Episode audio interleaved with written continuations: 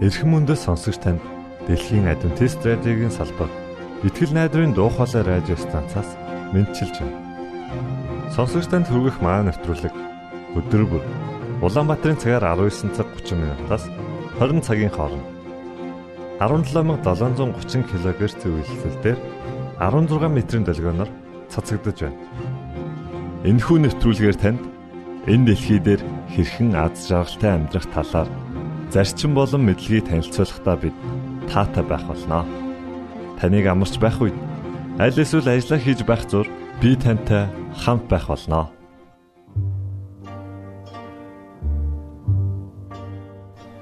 Энэ удаагийн нэвтрүүлгээ бид Silent Night хэмээх дуугаар эхлүүлж байна.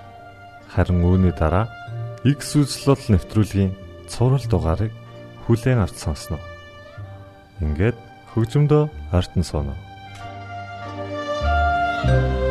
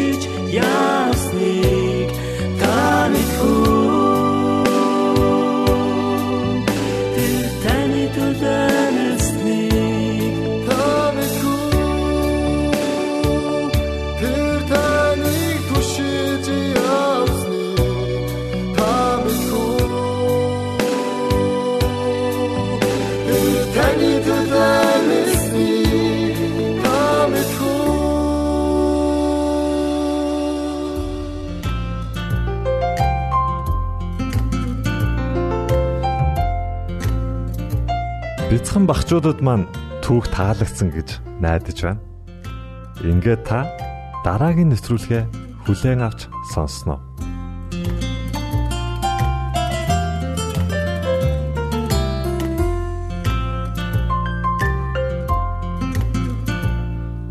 Гимшлийн үчил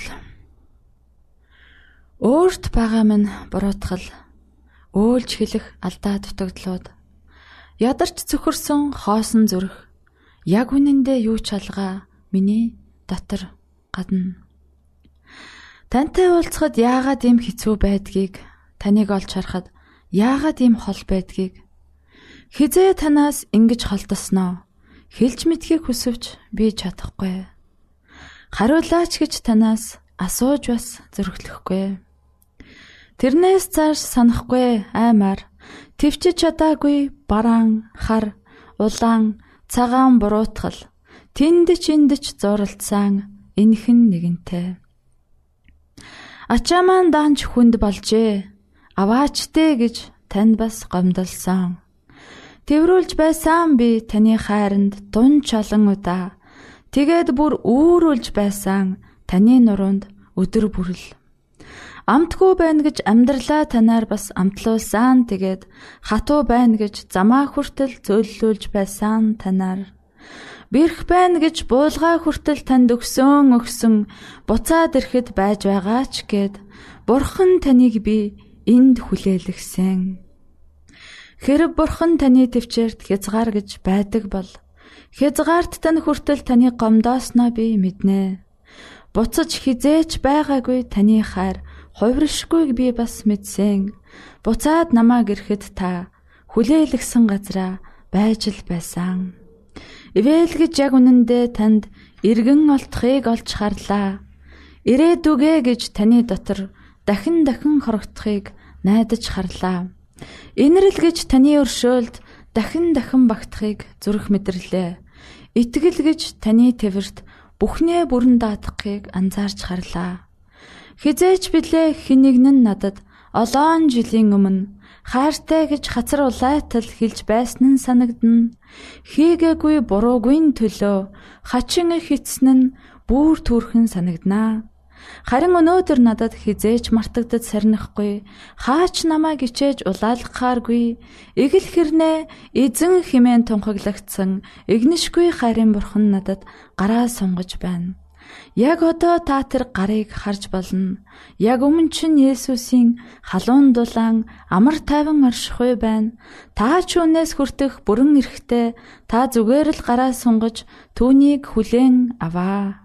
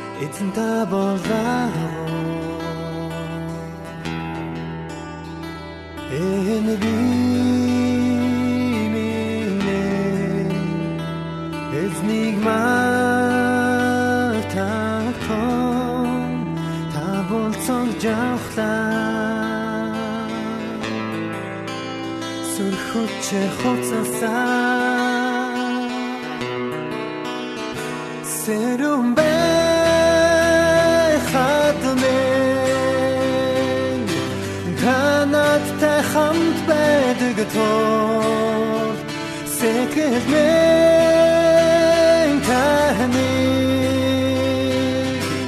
үнэгэн шүнөрч махтан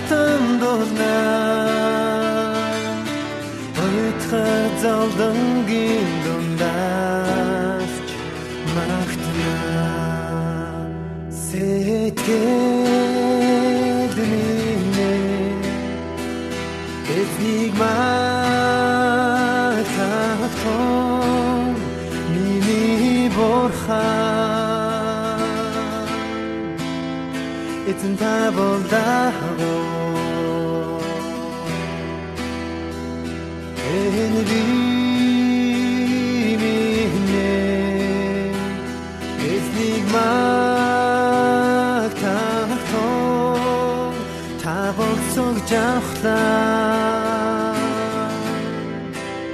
Сүрхүчээр хоцолсан Сэрүүн байхадмэ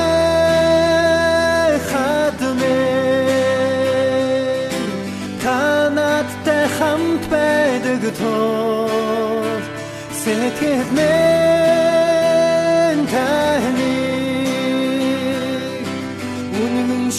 шинөрч магтан дуулнаа Ойтхар зовдонгийн дондаас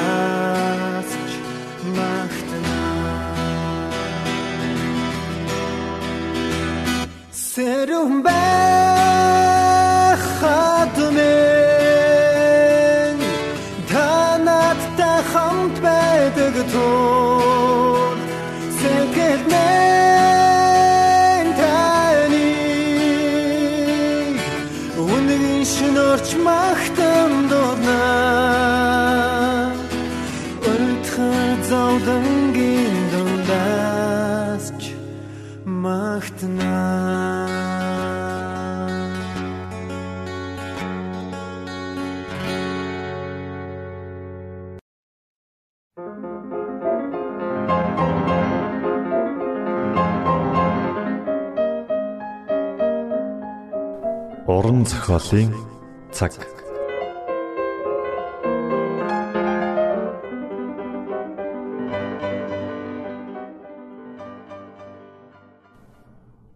Есүс энэ дэлхийд ирсэн нь Галилийн уул толгодын дунд аших Назар хэмээх бяцхан суурьнд Йосеф Мари хоёр амьдран суудаг байв. Тэд Есүсийн дэлхийд ирэх эцэг нь болох болно. Йосеф бол Давид хааны удам.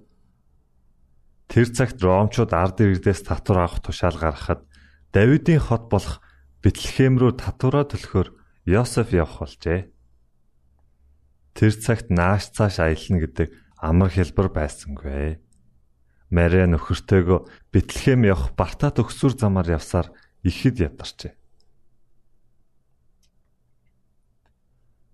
Хөөхий бүсгүй тухтай сайхан амрах газар хүрсэн гэж хичнээн хүсэж байсан бол харамсалтай нь ойтсон газарт нь дэм буудлууд хэдийнэ дүүрсэн байлаа. Баян эрх мэдэлтэй нэгэнд тогтой сайхан газар олдож байхад хөөхий энхүү даруухан аялагчд малын сарвч нь хоноглохоос өөр аргагүй боллоо.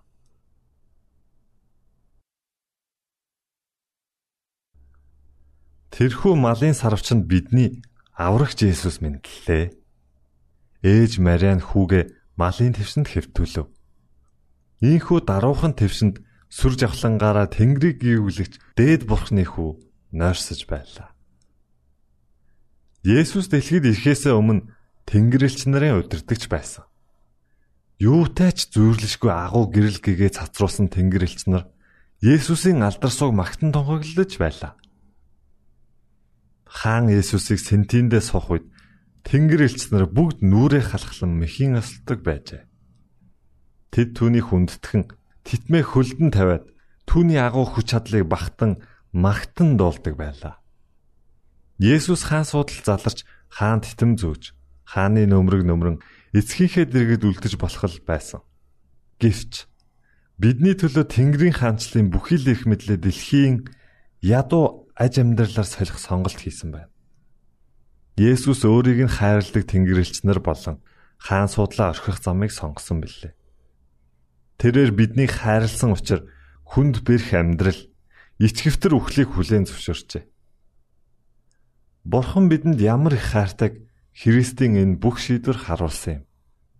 Тэрээр энэ дэлхийд Бурханы хүсэл дуулууртай байснаар Бурханд хүндэтгэл үзүүлж болохыг амьдралаараа харуулсан. Бид түүний үлгэр дуурайллыг дагахснаар эцэст нь түүнтэй хамт Тэнгэрийн гэр оронд үрд амьдрах боломжтой болох юм. Тэрээр энэ бүхний төлөө ирсэн. Бурхны ард түмэн дундаас олон тахилч захирагчд Есүсийг амьдралдаа өрн оруулахад бэлэн биш байлаа. Хэдийгээр тэд аврагч удахгүй ирнэ хэмээн хүлээж байсан боловч түүнийг агуу хаан болж ирээд амьдралыг нь баян тансаг болгоно гэж мөрөөдөж байв. Тимээс шашны удирдагчид аврагч Месаяг бяцхан хүүхэд мэтэр төсөлж чадахгүй байлаа. Христийн дэлхийд мэндэлснийг тунхагласан сайн мэдэг бурхан тэдэнд мэддэггүй. Харин хончтод эхлээд энэ мэдээг сонсгосон юм.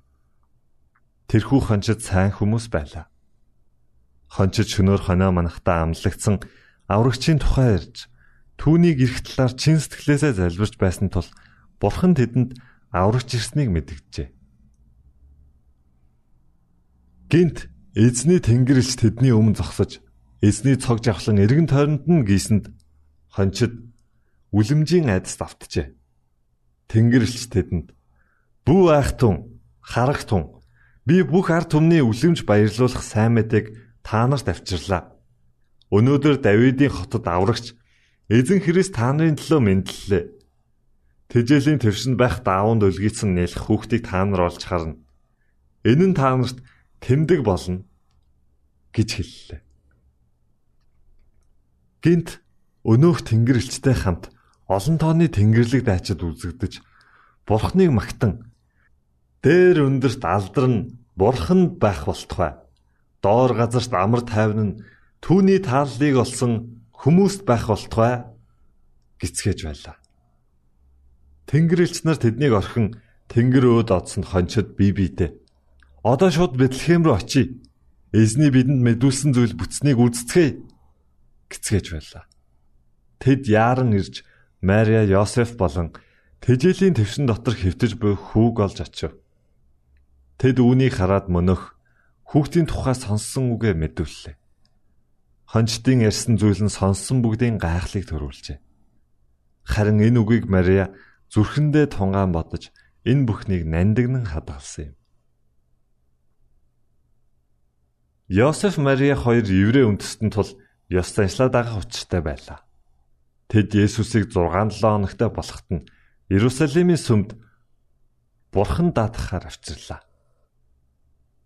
Энэ нь Бурханаас Израильчуудад өгсөн тушаалын дагуу үлддэг ёслол байв. Есүс хүүхэд байхасаа л аливаад хүндэтгэлтэй дуулууртай ханддаг байсан. Бурхны хүү Тэнгэрийн хаан хүү бидэнд дуулууртай байдлын үлгэр дуурайлыг заан сургаж байв. Аливаа гэр бүлээс зөвхөн ууган хүүл сүм даатгадаг байжээ. Энэхүү ёслол нь олон жилийн тэртет болсон үйл явдлыг сануулдаг гэж. Израилийн хүүхдүүд Египтэд боочлогдож байх үед Эзэн бурхан Израильчуудыг чөлөөлүүлэхээр Мосег илгээсэн. Эзэн бурхан Мосед хэлэхдээ Тэгэхэд чи фараонд эзэн ингэж айлдаж байна. Израиль бол миний хүү. Миний ууган хөвгүү. Тиймээс би чамд миний хүүг явуул. Тэр надад үйлчлэг гэсэн боловч чи түүнийг явуулахаас татгалцсан. Үзэгтэн би чиний хүүг ууган хөвгүүнийг чинь ална хэмээн хэл гэжээ. Энэ үгийг Мосе хаанд дамжуулсан. Харин фараон эзэнгэгч хэн болоод Израилийг явуул гэсэн юм бэ? Түүний үгийг би яагаад авах ёстой юм бэ? Би эзнийг мэдэхгүй. Израилийг ч явуулахгүй гэж хэлв. Ингээд эзэн бурхан Египтчүүдийн дээр аимшигт гамшиг илгээв. Хамгийн сүүлчийн буюу 10 дахь гамшиг айл бүрээс буюу эгэл ард хаад ноёдын жалгаагүй ууган хүүгийн амийг авах гамшиг байлаа. Харин эзэн бурхан Мосед Израиль айлбар хураг гаргах ёстой гэж тушаасан. Израильчуудын төхөрсөн хургийнхаа цусыг гэрийнхээ хаалганы тотхондоо түрхэх ёстой байв. Энэ үйлдэл нь Израиль айлын дээгүр үхлийн элч өнгөрсөн ч хэнийг ч устсахгүй ба харин бардам ирэх бардам ихэмсэг Египт айлын дээрээс үхлийн сэтгэл буухыг бэлэгдсэн байв. Дээгүр өнгөрөх ёслолын энэ цус бол Христийн цусыг төлөөлж байгаа гэдгийг еврейчүүдэд сануулдаг юм. Цаг нь болохоор бурхан өөрийн цорын ганц хүүгээ тэр хураг адил өргөл болгон илгээхэд хүүд итгэгч хүн бүр мөнхийн үхлээс аврагдах болно. Библи Христийг бидний дээгүр өнгөрөх баярын хураг гэжээ. Итгэлээр бид түүний цусаар аврагдана. Ийхүү Израиль айлбар эрт цагийн тэрхүү үхлийн гамшихаас үр хүүхдүүд нь аврагдсныг санан дурсаж ууган хүүгээс сүм даатгадаг болсон бөгөөд энэ нь хүн бүр мөнхийн үхэл гим нүглээс аврагдах боломжтойг бэлэгддэг ажээ. Сүмийн тахилч ууган хүүг гар дээрээ өргөн тахилын ширээний өмнө аваачдаг. Ийхүү ууган хөвгүүдийг бурхны өмнө даатгадаг байлаа. Тахилч хүүг эхт нь буцааж өгөөд хүүгийн нэрийг Израилийн ууган хөвгүүдийн нэрс бичсэн хуйлмал бичээс эсвэл номонд бичдэг байсан. Үүнтэй адил Христийн тусаар аврагдсан хүн бүрийн нэр амийн номонд бичигдэх болно. Та уран зохиолын цаг навтруулыг бүлээн авч сонслоо. Дараагийн дугаараар уулзтлаа. Түр баярлалаа.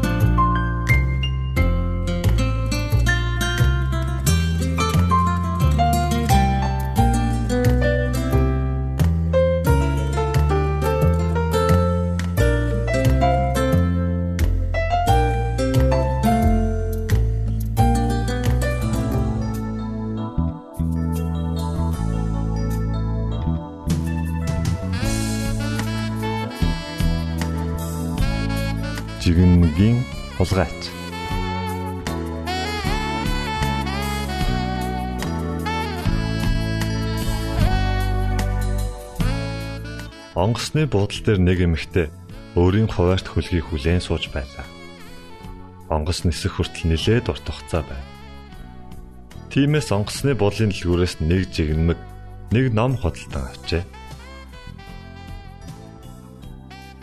Ингээд өөртөө нэг судал олж авч суугаад номоо шимтэн уншихын зэрэгцээ хаяа нэг гараа сунган жигнэгээ нэг нэгээр нь авч идэж байлаа. Хэдийгээр хамаг анхаалаа номдоо төвлөрүүлсэн байсан ч хажууд нь ирж суусан нэг залуу өөрийнх нь жигнэмнээс хээв нэг аван идээд байгааг анзаарахгүй байхаар байсангүй.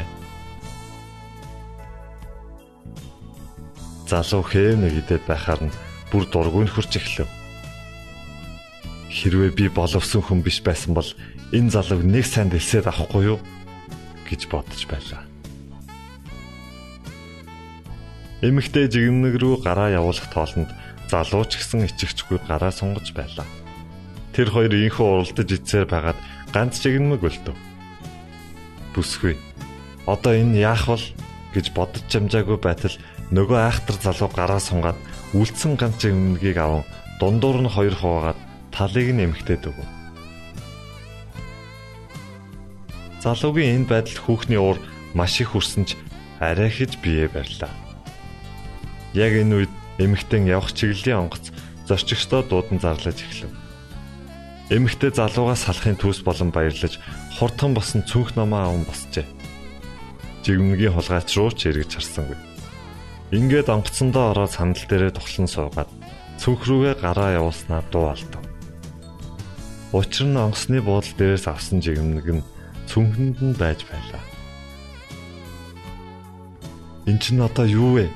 Энэ миний жигмэг юм бол яана гэж өөрийн ирэхгүй дуу алдав. Залуу жигмэгийг нь дураараа авч идсэн эмхтэд юу ч хэлээгүйгээр барахгүй сүүлийн жигмэгээ хүртэл хуваажээ. уучлалт гуйхад хэтэрхий оройтсныг ойлгож байна. Хүний имийг зөвшөөрөлгүй хээвнэг дураараа авч идсэн жигмнгийн хулгайч бол тэр өөрөө байлаа.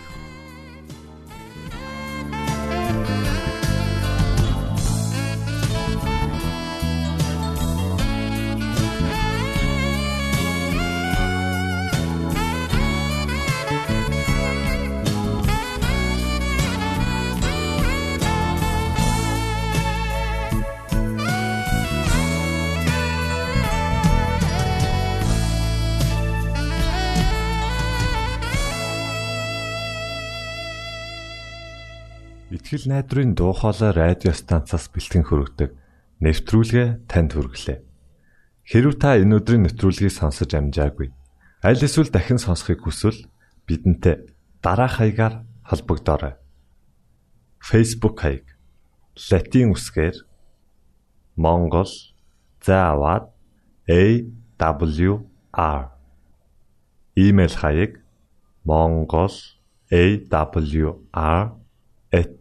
@gmail.com Манай утасны дугаар 976 7018 24 9 Шуудангийн хаяг 1600 Улаанбаатар 13 Монгол улс Биднийг сонгон цаг зав аваад зориулсан танд баярлалаа.